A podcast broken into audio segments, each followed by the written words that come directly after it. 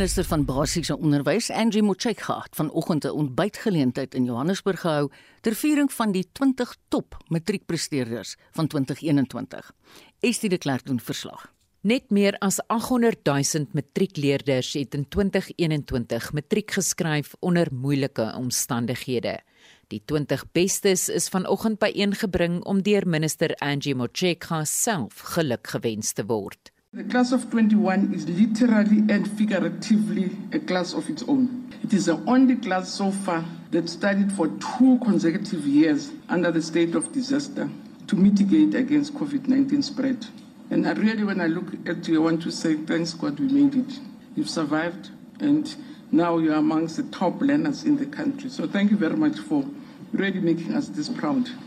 So indeed, it's a great honor for me to stand before you and thank you very much and honor you and celebrate your efforts of being a selected few amongst the others. You should know that you are towering high. It's not a small feat. So you are indeed the best of the best that we have in the system. Sy het onderwysers en ouers vir hulle deurgesette ondersteuning aan matriekleerders bedank en aan die toppresteerders gesê sukses kom teen 'n prys. Dit verg opoffering, maar as 'n mens werklik iets wil bereik, sal jy alles gee en hulle toekoms lê nou oop voor hulle. Now you are going to get into a stage where you are going to be producing knowledge. So expect engineers, expect researchers from you, expect so it's another level that you're going into. And amongst others, you also hope because again, as I said, the best of the best. So we're putting everything on you now. Now that you stood high all the other big virtues will come with you. Mojeka sê onderrig is 'n maatskaplike behoefte en die toppresteerders is die blomme van die nasie. I wish you well in your future endeavors. Don't forget that you are just the best of the best that this country has. You carry the hopes of the nation, you carry the future of the nation, you carry the prosperity of this nation in your hands for your families, for yourselves but also for the nation. Om 6uur vanaand maak minister Motshekga die provinsiale matriekslaagsyfers bekend terwyl matriekleerders se individuele uitslae om middernag bekend gemaak word. Ek is Estie de Klerk vir SAK nuus. Die op- en afwaartse aanpassing van die 2021 matriekuitslae het 'n warm patat geword op veral sosiale media. Daar's heelwat kommer oor die impak van hierdie aanpassings op die geloofwaardigheid van die uitslae. Ons praat nou met Melanie Buys, die hoof van ontwikkeling van die Solidariteit Skole Ondersteuningsentrum. Goeiemôre Melanie. Goeiemôre Marita. Ek gaan hierdie ding nou heel voor begin, want ek verstaan sekere goed nie. Wanneer word punte op of afwaarts aangepas? Ehm um, die die doel van Omalusi is juis om as om standaarde vas te stel om seker te maak dat kinders nie benadeel word met te moeilike vrae stelle of mm. onmiddellik bevoordeel word met goed wat nie op standaard is nie. So dit is dit is die werk wat Omalusi doen. Nou volgens Omalusi was daar hierdie jaar nogal 'n merkbare verbetering in die gehalte van vraestelle wat baie goed is want kyk die vraestelle word eintlik al vroeg in die jaar opgestel en dan gaan dit deur 'n hele modereerde proses wat eintlik intern en ekstern intern gemodereer word. So eintlik verwag ons dat matriek eindvraestelle op 'n reeds op 'n vasgestelde standaard moet wees. So ons wil nie te veel aanpassings sien nie. Ja, ek moet jou sê ek sou reken foute of onbillike vrae moet tog voor die tyd uitgewys word. Ja, dit behoort te wees. Ehm um, hoewel mens natuurlik kan kan verstaan as daar van die vakke is wat mense nou sien, joh, daar was goed wat ons nie raak gesien het nie of wat seker wat ook al die redes is en ek dink veral in in die omgewing van die afgelope 2 jaar, ehm um, skole was voor groot uitdagings en daar mm. was baie mm. aanpassings aan die kurrikulum en hoe vrae vrae geskryf is. So dat daar sekere aanpassings dalk nodig was is is waar. Ehm um, maar die feit dat amper helfte van die vakke opwaarts aangepas is, laat vrae ontstaan. Ja ja. As hulle nou hierdie proses van die punte aanpas, wat word alles in ag geneem? Ehm um, ek dink dit okay, hulle kyk in die eerste plek na die opstuurpunte, die jaarpunte van van individue en maar dan is daar ook 'n standaard of 'n normpunt wat hulle vir vakke vasstel. Nou as die uitslae ver onder daai norm is, word maar word daar aanpassings gemaak, maar hulle praat ook van blokaanpassings. So dis nie te sê alle punte word met 10% opgeskuif nie. Ehm um, hulle sal byvoorbeeld sê die blok van leerders wat tussen 50 30 en 50% gekry het word met 20% aan of 2% aangepas watter persentasie hulle ook al besluit terwyl leerders aan die topkant van die van die prestasie tussen um, 80 en 100% byvoorbeeld geen aanpassing of 'n baie kleiner aanpassing sou hê as dit opwaarts is. So die aanpassings word dan ook verskillend gedoen. Melanie met hoeveel punte kan dit aangepas word? Praat ons hier van 2 of 3% of baie hoër? Ongelukkig is dit nie altyd seker nie, want daai definisies is nie ook is is ook nie 'n gegewe nie. Dit is nie 'n vasgestelde definisie nie. Ek dit is maar ehm um, dit word tot 'n groot mate aan die oordeel van Malusi oorgelaat van hoeveel aanpassing nodig is om dit volgens hulle realisties te kry. Ehm um, Maar ek dink nogal wat belangrik is is dat mense net ook kyk weet dis dis goed om die uitslae beter te laat lyk. So meer leerders slaag matriek in hulle kry selfs universiteitsvrystelling en soos minister nou gesê die toekoms lê nou oop voor hulle. Maar is hulle dan gereed mm, om daai mm. tersiêre studies te te ehm um, te onderneem as punte aangepas is wat hulle eintlik nie regtens Ja. Wel, dit staat was om te kry nie. Want ek meen, wat sê dit vir ons van die geloofwaardigheid van die standaard wat gehandhaaf word wat die hmm. uitslae betref? Dit is nog 'n baie belangrike vraag want ons sien byvoorbeeld tussen die departement die, departementele uitslae wat nou gekom het, was daar 52% van vakke wat opwaarts aangepas word. Ehm um, terwyl die AIB die, die onafhanklike eksamenraad baie minder vakke wat aangepas is, amper 70%, 68% van hulle vakke is dieselfde gelaat. So dit wat ons eintlik graag wou hê. Ja. Ons het laas jaar ook gesien, daar was baie min vakke verlede jaar. Ehm um, ek dink is maar omtrent 73 ja, was dit net 73% van die vakke verlede jaar was onveranderd gelaat. Min op en af op 'n afwaartse aanpassing. So dit wat ons graag wil sien want dit is meer geloofwaardig. Melanie het ek jou net nou reg verstaan. Dis nie almal se punte wat aangepas word nie, want jy het net nou gesê die ouens hmm. aan die bo-punt. Hulle word net uitgelos. Ja. Hulle uh, dit hang af van van wat die besluit rondom daai spesifieke vak is, maar dit is meestal so as daar 'n uh, opwaartse aanpassing is.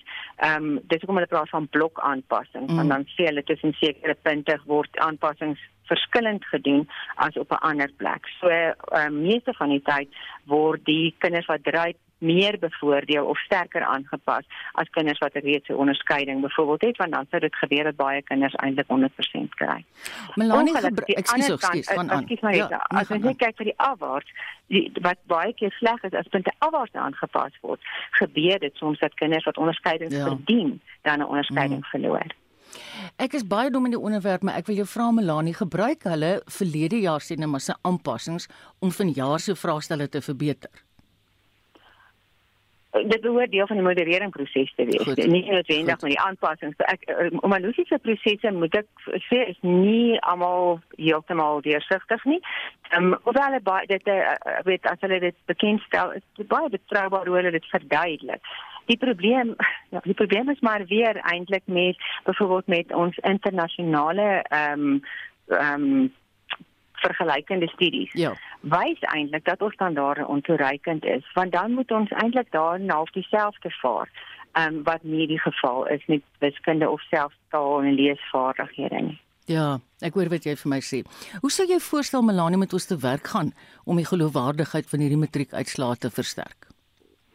Ek dink oor die lang termyn moet 'n ou die, die sensitiwiteit om ehm um, rondom byvoorbeeld slaagsyfers skole wat verskriklik hard werk om 'n 100% slaagsyfer mm. te hou terwyl daar dalk 'n kind is wat in 'n tweede jaar beter sou doen om dan daai onderbou te hê om verder te studeer of 'n werkplek homself te kan handhaaf dat ons ons sensitiwiteit oor oor slaagsyfers minder maak mm -hmm. en dan aan die ander kant baie harder werk om die standaard van onderwys te verbeter. Dit help nie ons pas die standaard ons pas die kurrikulum afwaarts aan en ons pas die vereistes afwaarts aan, so die saak vereistes maak ons al laer en op die oomblik stel die kinders in eh, vir die toekoms uitskole vry met eksamentoelating ag ag met universiteit toelating en 'n slaagpunt wat nie gereed is daarvoor ja.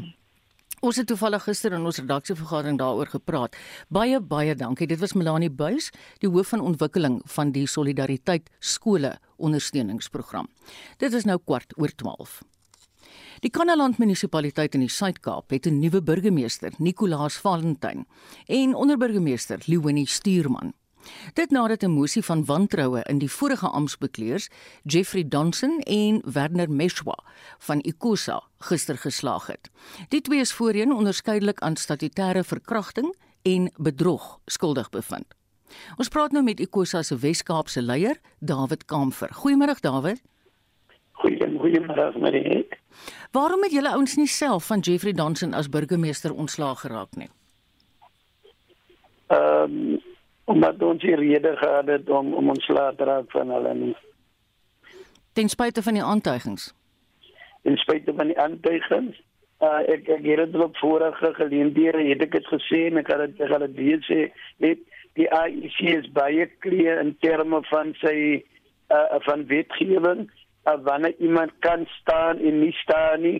So ons het ons het die reg om mense se regte ontneem op grond van die land se wette en en die reg wat dan uitgeoefen word wat gesê het in die in uh, die IEC as die hoogste gesag wanneer dit kom by enige verkiesing en wanneer hulle mense kreë het ons geen rede om dan te sê dat hy mense kan nie staan nie en dit is presies wat met Jeffrey Donson en die twee ander raadslede gebeur het. Bly Donson aan as 'n Ikosa raadslid? Hy bly anders, hy bly anders as Ikosa raadslid en hy bly ook aan as die president van die van van Ikosa. Wat gebeur nou met Werner Meshwa? Werner Meshwa presies dieselfde, hy bly raadslid op 'n uh, 'n uh, uh, gewone raadslid steeds in die, in die, in die raad. So daar's niks, is net uh, dat hulle nie meer die dat hulle nie meer die burgemeester en die onderburgemeester is nie, maar soos jy reg gesê het, hulle by die steetraadslede. Goed. David, hoe lyk die verdeling nou van setels in die raad? Maar die stadium is dit dat die ANC die burgemeester en onderburgemeester het en dat uh, die independent party daar is dat hulle dan die speaker het en dan die afgevaardigde na die distrikmunisipaliteit is dan 'n uh, diaraadslid. Goed.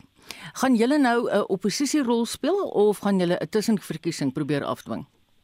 Nee, nee, dit dit dit draag glad nie. Dit is wat ek sê nie van die die raadslede van al die raadslede uh uh van van die kouse as as raadslede wat hulle wyke gewen het en hulle hulle hulle, hulle het baie ver gewen so daar's geen Goed. rede vir ons om uh, mm. om enige tussenverkiesings uh uh te hou binne in Kanalantie uh, uh die ander vraag was hoe gaan ons ons oppositie soos ons altyd gemaak het en soos altyd was kan ons steeds die gemeenskap van Kanneland wat 45% van die mense het gestem vir Ikosa en meneer Donson so en vir Hiram Reuters so ons gaan steeds die die voters wat ge, wat, wat gestem het met die gemeenskap van Kanada gaan ons steeds bedien sodat ons al die jare voorheen gedoen het toe ons in die oppositiebanke gesit het. Goed, baie dankie.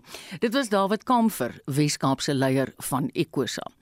En van Oudtshoorn en Kannaland na Johannesburg. Die afgelope klompie dae se onstabiliteit in die Johannesburgse metroraad voorspel niks goeds vir rade wat deur koalisies regeer word nie.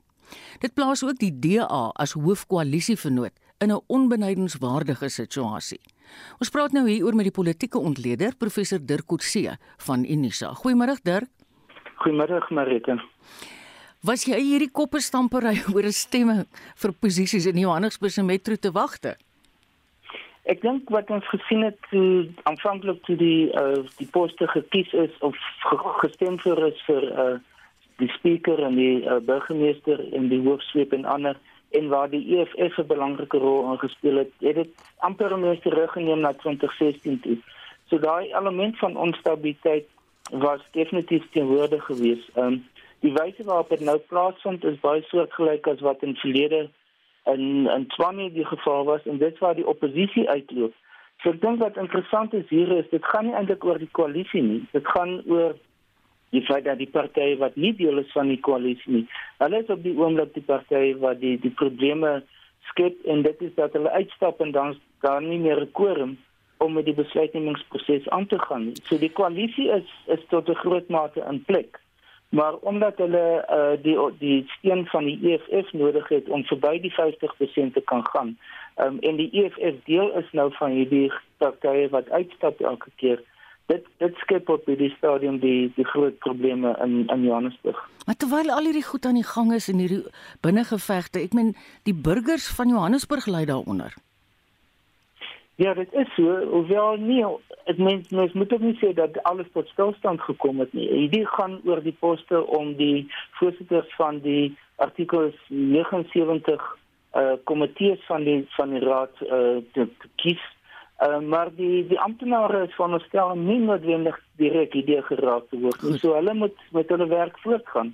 Wat hier te sprake is is eerder die oorsigfunksie wat die die raad moet vervul in verhouding met die die die uitvoerende gesag, dit beteken die lede van die burgemeesterskomitee, um, en om te sorg dat daar uh, skoon en korrupsielose werk gedoen word, maar die werk op die grond is nie die lede van die raad nie, né? Dit ja, die, die wat. amptenare wat Mm. dit moet doen.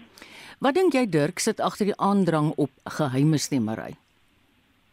Ek dink hulle hoop dat daar dan mense van ander partye sou sou stem vir hulle kandidaate. Dit beteken die oppositie oppositiekandidaate van van die ANC en van die UDM en is myself van die EFF. Um, en dat omdat dit nie gekontroleer kan word na die tyd nie dat dit sou moontlik word dat van hulle lede dit uiteindelik in daardie poste kan kom. Ehm um, en dit is uh dis hoogs onwaarskynlik, maar ehm um, ek dink hulle hulle hoop dat daar mense is wat in die in die stilte eintlik hulle sal ondersteun. Mm, mm. Hoe dink jy die burgemeester Dr Mpo Palatse van die DA die situasie tot nou toe hanteer?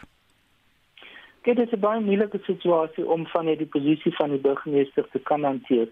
Ehm um, omdat sy nie besluitnemingsmagte het om hierdie situasie te kan ontlont nie. Uh die persoon wat eintlik die meeste mag het in hierdie situasie is die spreker. En die spreker is die een wat onder andere bepaal het dat dit nie 'n geheime stemming moet wees nie, maar dat dit 'n oop stemming moet wees. So hy is die Vasco da Gama is die eintlik die kernfiguur in hierdie situasie. Mm -hmm. As hy anders besluit het, was daar moontlik nie hierdie situasie nou gewees nie. Dis baie waar. Wat beteken hierdie situasie vir die DA as hoofkoalisie vernoot wat stabiliteit en dienslewering aan die inwoners beloof het? Kyk in in die meeste gevalle kan 'n uh, 'n minderheidsregering voortgaan. Dis net by baie belangrike besluite soos byvoorbeeld die aanvaarding van die uh, begroting wat laat in die middel van die jaar moet plaasvind waar daar 'n 50% plus 1 meerderheid nodig is. Uh, hier in Tswane byvoorbeeld vir baie lank nadat die administrasie tot 'n einde gekom het, het die DA eintlik met 'n minderheidsregering kon voortgaan om besluite te neem. So dit gaan baie afhang van die leierskap van die burgemeester um, en die lede van die koalisie um, om seker te maak dat dit wat hulle het dat hulle daarmee werk. Um, en dan by geleentheid sal dit selfs moontlik wees ons het dit weer gesien in in Nelson Mandela Bay sowel as in uh, Tswane dat soms as dit kom by iets soos sê maar die, die begroting oppositiepartye dit ondersteun het. Mm. So dit is nie noodwendig mm. dat uh, as dit hierdie tipe van verdeling wat nou plaasgevind het dat dit onder alle omstandighede so sou wees nie. Baie dankie. Dit was die politieke ontleder professor Dirk Coetzee van Unisa. 'n Enstofvervaardigingsaanleg van die internasionale groep van 'n tegnologiemaatskappy, Nantworks, is in Kaapstad bekend gestel.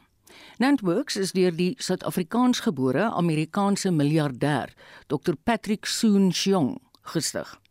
Die maatskappy het meer as 3 miljard rand in die aanleg belê en het nog 1 miljard rand vir filantropiese skenkings bewillig. Weer is dit de Klerk. President Cyril Ramaphosa en Dr Soon Shiong het die nuwe kampus en die koalisie om Afrika se toegang tot gevorderde gesondheidsorg te versnel of die AAA koalisie van stapel gestuur. Die fabriek sal die eerste in Afrika wees wat tweede generasie entstowwe van begin tot einde vervaardig. Ramaphosa het benadruk dat die regering as die Afrika Unie se hoof vir COVID-19 sal verseker dat die entstof tot voordeel van die hele vasteland sal wees. I'm rather pleased that he's not only going to set up this facility in his own home country. I'm glad that he started here at home, but he's going to expand. He's going to go to Botswana, he's going to go to Ghana, he's going to go to Kenya, and he's going to go to Uganda. Whilst the South Africans we may be tempted to be jealous and say, no, don't go elsewhere. we are saying we are Pan African. We're Pan Africanist in our approach. Ramaphosa het Dr. Soon Shiong en sy familiestigting bedank vir ekstra befondsing wat gebruik sal word vir die onderrig en opleiding van 'n geskoolde arbeidsmag in die biotehnologie en lewenswetenskappe bedryf. Hy sê die beurse sal bydra om 'n erfenis van innovasie in die wetenskap in Afrika te vestig. Our continent stands ready to enter a new age of medical science. Our continent and our country stands ready to take responsibility for the health of its people, to understand better the diseases that afflict them, and to develop the means to manage these diseases. Dr Soon Xiong sê alhoewel tweede generasie enstof vervaardig word, is dit steeds belangrik dat mense met eerste generasie enstof ingeënt word. Want to make sure that people understand that you need to be vaccinated. Unfortunately, two things happen the antibodies wane, and the viruses mutate, and you get yourself into a spiral, which then opens up the opportunity for the second generation vaccine. So the first generation vaccine was absolutely not a waste of time. Die aanleg sal enstowwe vervaardig vir al die ernstige siektes wat die inwoners van Afrika bedreig.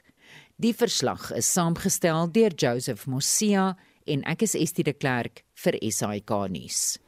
Die departement van samewerkende regering en tradisionele sake in KwaZulu-Natal het die omvang van die skade bepaal van die natuurrampe wat die provinsie in Desember en Januarie getref het. 25 mense is dood en bykans 1700 huishoudings is dakloos gelaat. Annelien Moses berig.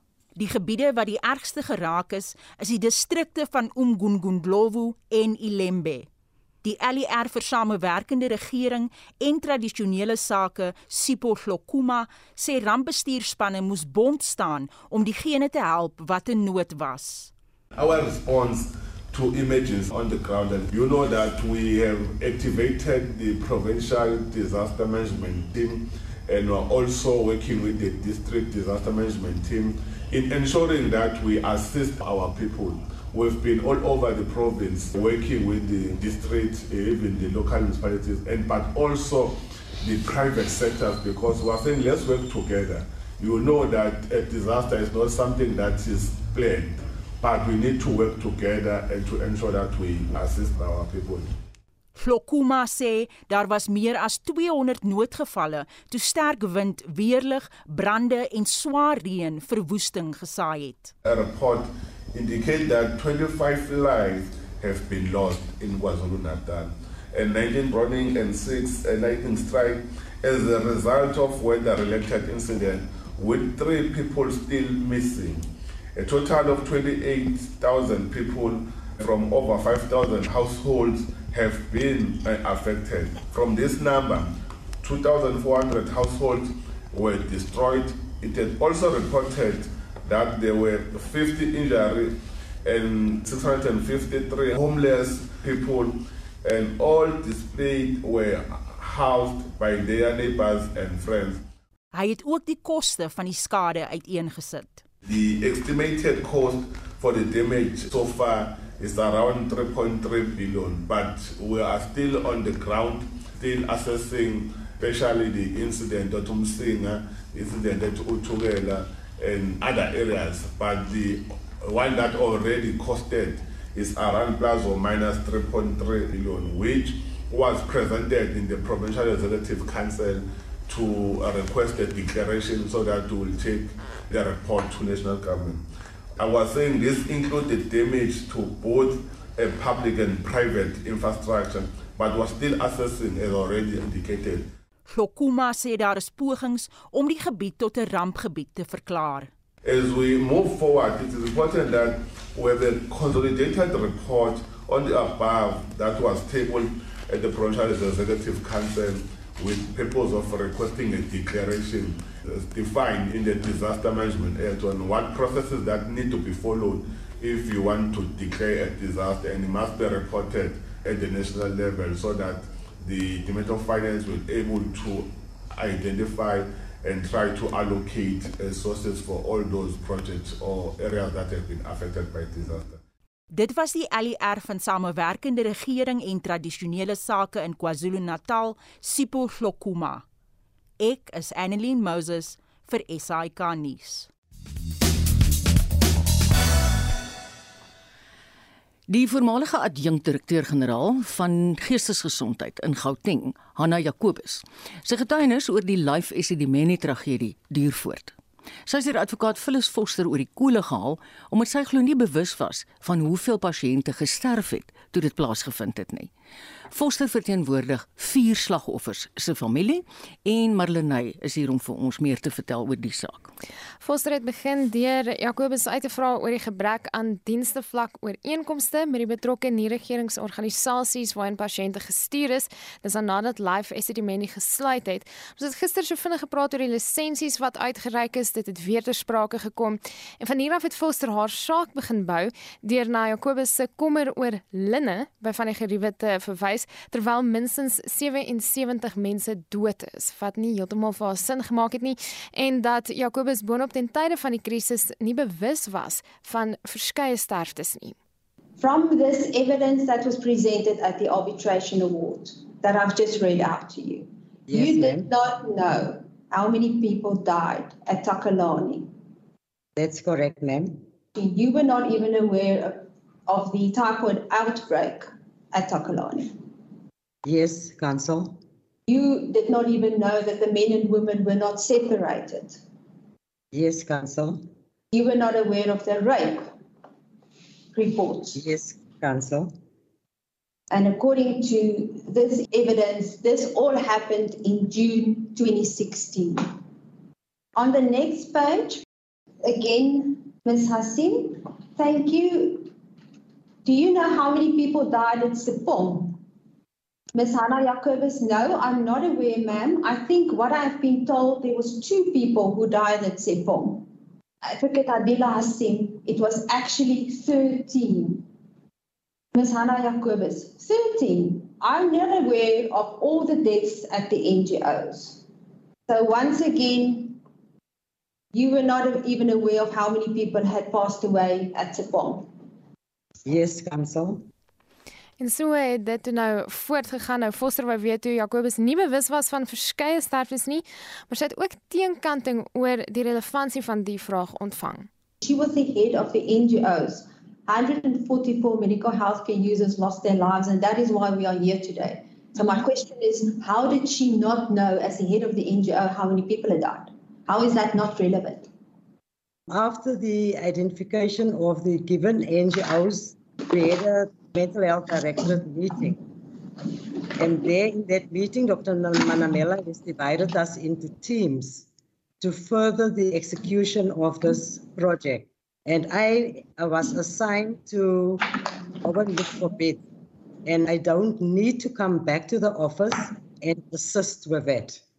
And that was my brief. So I was not in the office. I was not part of any further discussions or deliberations at the office. Dan by navraag het sy erken dat alle sterfse sterftes by die regeringsorganisasies het sy van natuurlike of onnatuurlike oorsake na haar kantoor gestuur moes word. So if you combine this answer that you just provided us with my previous question, you were supposed to know how many people I was died. supposed to know what uh, council if you can explain how many people have died if your department was informed? Council, I cannot um, agree with you there because, as I've said, since the project started, I was not in the office. So I have no information, no recollection what happened at the office. I was out in, in the district working there. Die bous, dit was van die bousene van Foster se kruisondervraging tot op hierdie punt. Ons hou verwikkelinge dop. Een ding, Marlene, hy baie sterk daarmee. Ek dink jy gaan nog allerlei rillers uitkom as so, so luister. Nou, heeltemal 'n ander storie. Dis vandag die tweede laaste dag van die Wêreldekonomiese Forum se virtuele jaarlikse byeenkoms. Reeds voor die weeklange byeenkoms is daar gepraat van die WEF se internasionale risikoverslag. Die verslag bestaan uit 'n reeks risikobepalings wat saamgestel is deur sakeondernemings, die regering en burgerlike samelewing. Ons spits ons vandag spesifiek op hierdie verslag toe. En ons praat nou met professor Jannie Rousseau, 'n besoekende professor aan die Wits Besigheidsskool. Goeiemôre Jannie. Middag Marita, goeiemôre aan die luisteraars. Wat is die doel van hierdie verslag? Die doel van die verslag Marita is om risiko's op 'n gestruktureerde grondslag te identifiseer en dan natuurlik by daarvoor besprekings te hê oor hoe om hierdie risiko's my Afrikaanse woord is aan te spreek. Engelse woord is how to mitigate these risks. Wat moet op 'n georganiseerde grondslag internasionaal gedoen word om hierdie risiko's te verminder? Janie, en hoe word dit by die beraad hanteer? Wat dit word op verskeie maniere hanteer. Daar's verskeie sprekers en uh, daar word sienings hier geneem. Die wêreldekonomiese forum en daarvoor is dit natuurlik geen besluitnemingsbevoegdheid ja. om besluite af te dwing nie, maar daar word ooreengekom dat byvoorbeeld uitlaatgasse verminder moet word, dat stappe nodig is om uh globale klimaatsverandering te te werk en so meer. So daar word gepraat oor metodes wat dit aangespreek kan hmm. word en dan natuurlik ook hoe daar met regerings geskakel moet word om verbintenisse hier te, kry, maar dit het geen gesag in sigself nie. Mm, mm. Dis nie dat die wêreldekonomiese forum kan sê julle moet of moet nie doen nie. Ja. Wat is volgens jou van die sleutelkwessies wat in die verslag genoem word? Wel natuurlik klimaatsverandering kom baie duidelik uit. Daar is groot kommer oor volgehoue klimaatsverandering. Ons het in die verlede gepraat van sogenaamde global warming, maar dit is meer as global warming, is klimaatsverandering. Die klimaat is anders as wat dit voorheen was. En dan wat natuurlik vir my as ekonom baie duidelik is, maar kommerwekkend ook is, is dat jy wat van die respondente baie pessimisties is oor ekonomiese vooruitsigte. Hmm. En uh ja, wat praat selfs van ekonomiese stagnasie wat kan intree na COVID-19, dat die wêreld nie vinnig van COVID-19 sal herstel in terme van ekonomiese groei nie. En sodanige ekonomiese stagnasie sal dan natuurlik beteken dat die wêreld in 'n situasie sal wees soos wat Suid-Afrika in die laaste 10 jaar gehad het met baie lae ekonomiese groei wat beteken dat werkloosheidsprobleme toeneem dat uh die fiskale volhoubaarheid van lande onder druk kom. Mm. So meer en dan het ek net so een sinnetjie gesien waaroor ek nou altyd baie sensitief is en dit is dat daar kommer oor stygings in wêreldinflasie uitgespreek is en soos almal weet ek is teen inflasie. Mm. Mm. mm. Hoeveel erns het jy nou net toe gesê hulle kom eerder ooreen en hulle onderneem dit word nie op hulle afgedwing nie. Maar in watter mate word dit met erns gedoen? Kyk, uh, daar's natuurlik 'n klomp aanbiedinge, klomp voordragte, maar die belangrike element van Davos tradisioneel was die informele besprekings. Ja wat tussen wêreldleiers plaasvind wat nie moontlik is by 'n virtuele vergadering nie. Mm. Daarom is ek bly om te sien dat die wêreldekonomiese forum wel wat hulle noem 'n in-persoon vergadering beplan waarskynlik rondom die einde van Junie van jaar. Oh. Sodat daar die geleentheid is om informeel skouers te skuur en dit is waar baie van hierdie uh ek wil amper sê informele ooreenkomste beter beslag kry waar mense teenoor mekaar verbintenisse maak om op sekere wyse op te tree of nie op te tree nie. En uh dit is natuurlik glad nie aanwesig in hierdie huidige omstandighede waar dit 'n virtuele vergadering is nie. Ja, ons het vroeër in die week, ek dink amper dit was met rood. Het ons gesels oor die feit dat ons president in die verlede baie goed gevaar het omdat hy nogal charismaties is om met mense te praat. Ja ja inderdaad en uh, voor meneer Ramaphosa uh, politikus uh, staatshoof geword het, politikus geword het, was hy self 'n sakeman. Hy ja. weet hoe om met, met besigheidsmense te praat. Hy weet hoe om met hulle te werk. Ja. En daardie geleenthede bestaan natuurlik glad nie met 'n virtuele mm. vergadering nie. Baie dankie Jannie. Dit was 'n besoekende professor aan die Wits Universiteit se Besigheidsskool, Jannie Rousseau. Die Noordwes Onderwysdepartement sê hy het berigte ontvang dat 162 leerders van die Tirelong sekondêre skool na bewering ontvoer is. Die departement sê 'n besope groep mense wat voorgegee het om die ouers van die leerders te wees, het in vier voertuie by die Noupoort Mega Plaasskool in Boons opgedaag. Veiligheidshekke het hulle toegang tot die perseel geweier, waarna die ouers 'n hek oopgebreek het. Weer is dit. Min bevestigde besonderhede oor die voorval is bekend.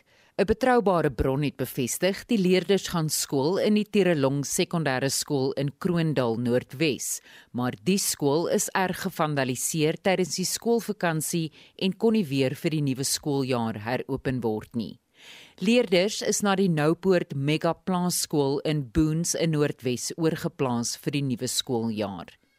Die Daily Sun berig ouers van die leerders het hulle kinders Sondag by die skool gaan haal nadat hulle ingelig is daar is bose geeste in die skool wat dit moeilik maak vir die leerders om in die koshuis te slaap. Die publikasie berig leerders slaap sedert 13 Januarie in die koshuis en hulle beweer hulle word snags verwrig van die leerders val flou en hulle sien mense se skade wees. Daar word berig dat die leerders skool wil bywoon, maar dat die omgewing na bewering toksies is. Volgens die berig het die leerders die skool en die departement van die beweringe ingelig, maar hulle is van hulle veiligheid verseker. Nadat die ouers 'n hek oopgebreek het, het die leerders na bewering ook deure en vensters oopgebreek om uit te kom. Die 162 leerders is van die perseel verwyder deur die ouers wat hulle in voertuie daar weggery het. Kolonel Adel Meiburg van die polisie in Noordwes bevestig dat die Noupoort skoolhoof 'n klag by die polisie ingedien het. Ek kan bevestig dat die Rustenburg polisie 'n saak ondersoek vir opsetlike saakbeskadiging. Hierdie insident het na bewering Maandag die 17de Januarie om 9:00 die aand plaasgevind en tydens hierdie insident is daar 'n hek gebreek met 'n waarde van plus minus R2000. Hierdie insident het plaasgevind by die Noupoort Sekondêre Skool wat in die Rustenburg area val. Dit was kolonel Adel Meiburg van die polisie in Noordwes. Ek is Estie de Klerk vir SAK nuus. Ons redaksie werk natuurlik verskriklik hard aan hierdie kant want van die ander redaksielede rinkink. Susanne saam met daai RSG span op die MSC Orkestra vir die op die water kunstewees. Hulle staan met mengeldrankies, hulle staan met baie broeke en hier sit ons. Hallo Susanne. Nee Marita, ek staan nie met my baie broek nie, die arme gaste op hierdie skip. Gaan hulle doodskrik as hulle dit sien. maar mengeldrankies is hier baie van. Um, welkom by ons regstreekse uitsending vanaf die dek van die MEC um, hier en tydens die RSC hulle vra op die water kunstefees. As jy wil sien hoe dit lyk, dalk so 'n lusmakertjie kry homself dit vir jou te bespreek dalk vir 'n volgende keer. Gaan kyk gou op ons Monitor en Spectrum Facebook bladsy. Ons is besig om 'n video regstreeks uit te saai van hierdie uitsending. Almal hier op die dek, uh, kyk gou vir die voeltjie hier links van my. Hy uh, is besig om julle af te neem. Waai gou-gou. Almal daar by die huise kan julle sien. So as jy gewonder het, hoe lyk dit op een van hierdie skepe gaan uh, loer gou op ons blad want dit is uh, kan jy sien hoe dit lyk. Dis groot. Dit is massief. Klomp mense. Dankie dat julle saam waai. En uh, terwyl ek so kyk, um, ek hier's 'n klomp mense en ek het nou-nou so 'n bietjie rondgevra, jy weet, hoe was die ervaring om op hierdie skip te kom? En uh julle tweetjies wat daar sit. Gee gou vir my 'n naam en van waar is julle? Ons is uh Stian Adams van George En my vroutjie Elsie Adams. Sê vir my, was jy effe senuweeagtig om te reis nog so terwyl die pandemie aan die gang is? Nee, wat nie regtig nie. Ek dink die die grootste was maar net daai negatiewe toets wat jy moes skryf voordat jy kon opklim. Dit was redelik stresvol die aand voor die tyd het ons eers 9 uur ons uitslae gekry en ons is 'n familie van 6 wat saam um, sou opklim. So jy wil natuurlik nie een moet negatief wees dan uh, sal dit nou nie so lekker gewees het nie. So daarom was almal positief. Jou vrou het beskryf as 'n matriek eindeksamen. Geef gou vir die mikrofoon. Ekskuus tog, sê gou weer. Sy het dit beskryf as 'n matriek eindeksamen. So gee gou vir haar die foon. Baie baie erger, hoor. Nee, eh, eh, matriek wiskunde hoërgraad was wonderlik geweest teenoor hierdie Sê gou weer, ek sien jy lag, jy sê iets. Ek sê matriek kan jy oor doen. O, hierdie kan jy nie. Dan sê van die skip af, absoluut nie. Goed, net so laaste vraag, hoe ervaar julle die kans om na 2 jaar weer te kan reis? Nee, dit is baie lekker. Ek dink dit is ehm um, met onder omstandighede met die maskers en alles is dit eintlik wonderlik. Ja, dit is regtig lekker om al die kunstenaars te sien en saam met mense te kuier. Ja, nee, dis dis great. Ek is baie bly ons kon dit doen. Ons sê baie dankie dat julle saam gesels het en jy gaan dalk op daardie video sien dat daar mense is wat sonder hulle masker sit. Um, ons is op 'n oop dek, so die lug is oop en die mense hier kan sonder hulle maskers um rondbeweeg en op die dek sit, maar as ook 'n klomp wat dit dra, protokol is baie baie streng. Nou ons het uh, op ander of ons eerder my ander gas hier op die dek is my skerm nou net wat draai is. Um is 'n uh, Jacques Silje, wynmaker van van Lofren en uh, julle alkoholbedryf nogal swaar getref uh, gedurende COVID en uh, al daai pandemie inperkings. Maar sê vir my intussen, het julle nou al kon herstel van die skade wat aangerig is? Ja, Susan, baie dankie. Uh definitief ons kon herstel. Ek dink ehm um, weet destyds toe dit nou ons so verras het en in Swan van Lofren is 'n dinamiese maatskappy. Baie mense, baie planne kan gemaak word en ehm um, Ja, ek ek ek, ek kan sê dat niemand het hulle werk verloor nie. Ons het uh ja, ons het tog almal geseën met 'n bonus ook nog in in aan die einde van 2020 wat wat baie special was, maar dit is 'n dis 'n span mense wat uh van verkoop van wingerd van vrugteboer en almal wat net saamspan. Ja. Gepraat van wingerd, um iets anders wat nou nie gebeur is is die weer. Dit reën baie in die noorde, selfs julle kry nou meer reën as gewoonlik. Het dit enige invloed op die drywe? Ja, dit het. Ons het uh so 3 jaar terug baie groot geskrik. Ek was baie droog in die Kaap, jy weet van die droogte en uh daai droogte is nou deur verlede jaar se winter ge, gebreek. En uh nou die reën het aangehou, daai siklus is daar. Ons kry dit. Jy gaan bietjie meer met spuit op op jou wingerde, ja. En uh terwyl aan die een kant hoef jy ook dalk nie so baie te besproei self nie. So uh, daar's daar's altyd 'n wen en 'n verloor. So ons kan ons water bietjie terughou ook. Ehm um, ja. Ja, jy is aanpasbaar. Goed, klimaatsverandering is aan die gebeur. Ons is midde van dit. En uh die groot vraag is net wat voorspel dit vir julle vir die toekoms? Gaan ons sien dat ons byvoorbeeld uh, wyn moet verbou bo op Tafelberg? ja, nee, ek dink hulle gaan dit toelaat, maar ja, ons ons ons gaan na die heuwels toe. Ehm um, ons ons kyk na kultivars wat meer droogtebestand is. Uh onderstokke ehm um, vir die vrugte boere onder nette. So ja, nee, dit is dis beslis ons moet aanpas. Ons kyk na ons kyk na kultivars wat eh uh, laer kou eenhede jy het of nodig het. Ehm um, en ehm uh, ja, weet jy moet presisie boer. So ons het eh uh, probes wat ons insit in die grond, ons besproeiing meet en alles word drip besproei so ons morsiewater, dit word baie spesifiek toege toegedien. Ehm um, ek het hierdie ek het nou net voor ons gepraat het my konsultant, wingerkonsultant geskakel gesê hierdie hierdie naweek gaan uh, gaan warm wees in in Ashton.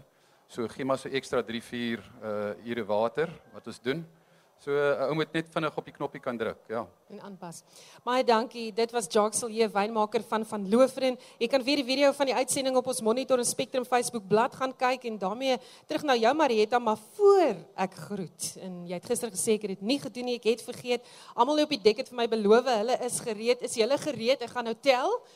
1 2 3 Geniet jou middag. Nou terug na jou Marita.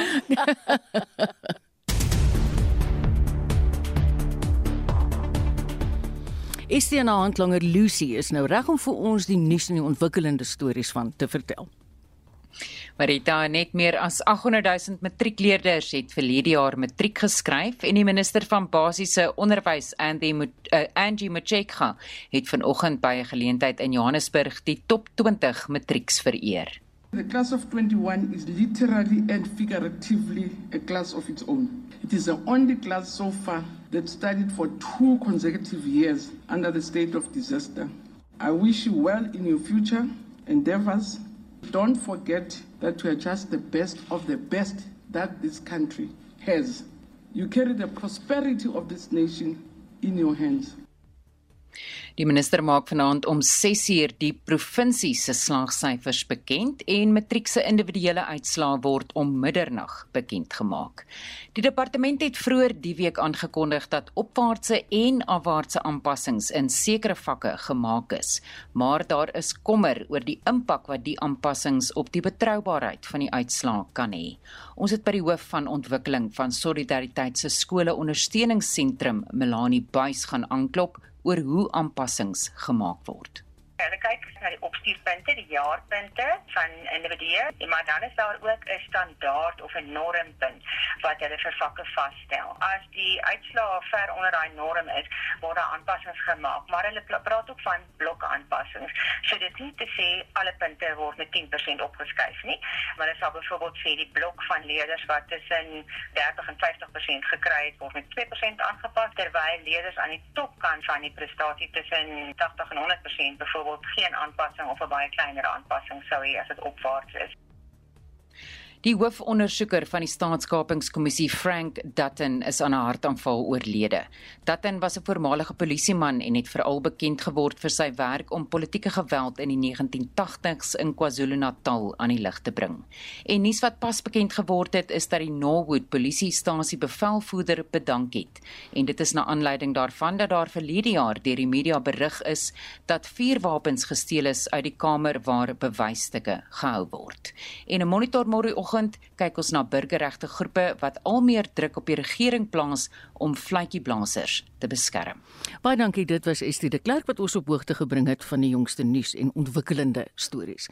Namens almal van ons hier so by Spectrum, mag jy 'n baie aangename dag verder hier saam met RSG en ons praat weer môre. Totsiens.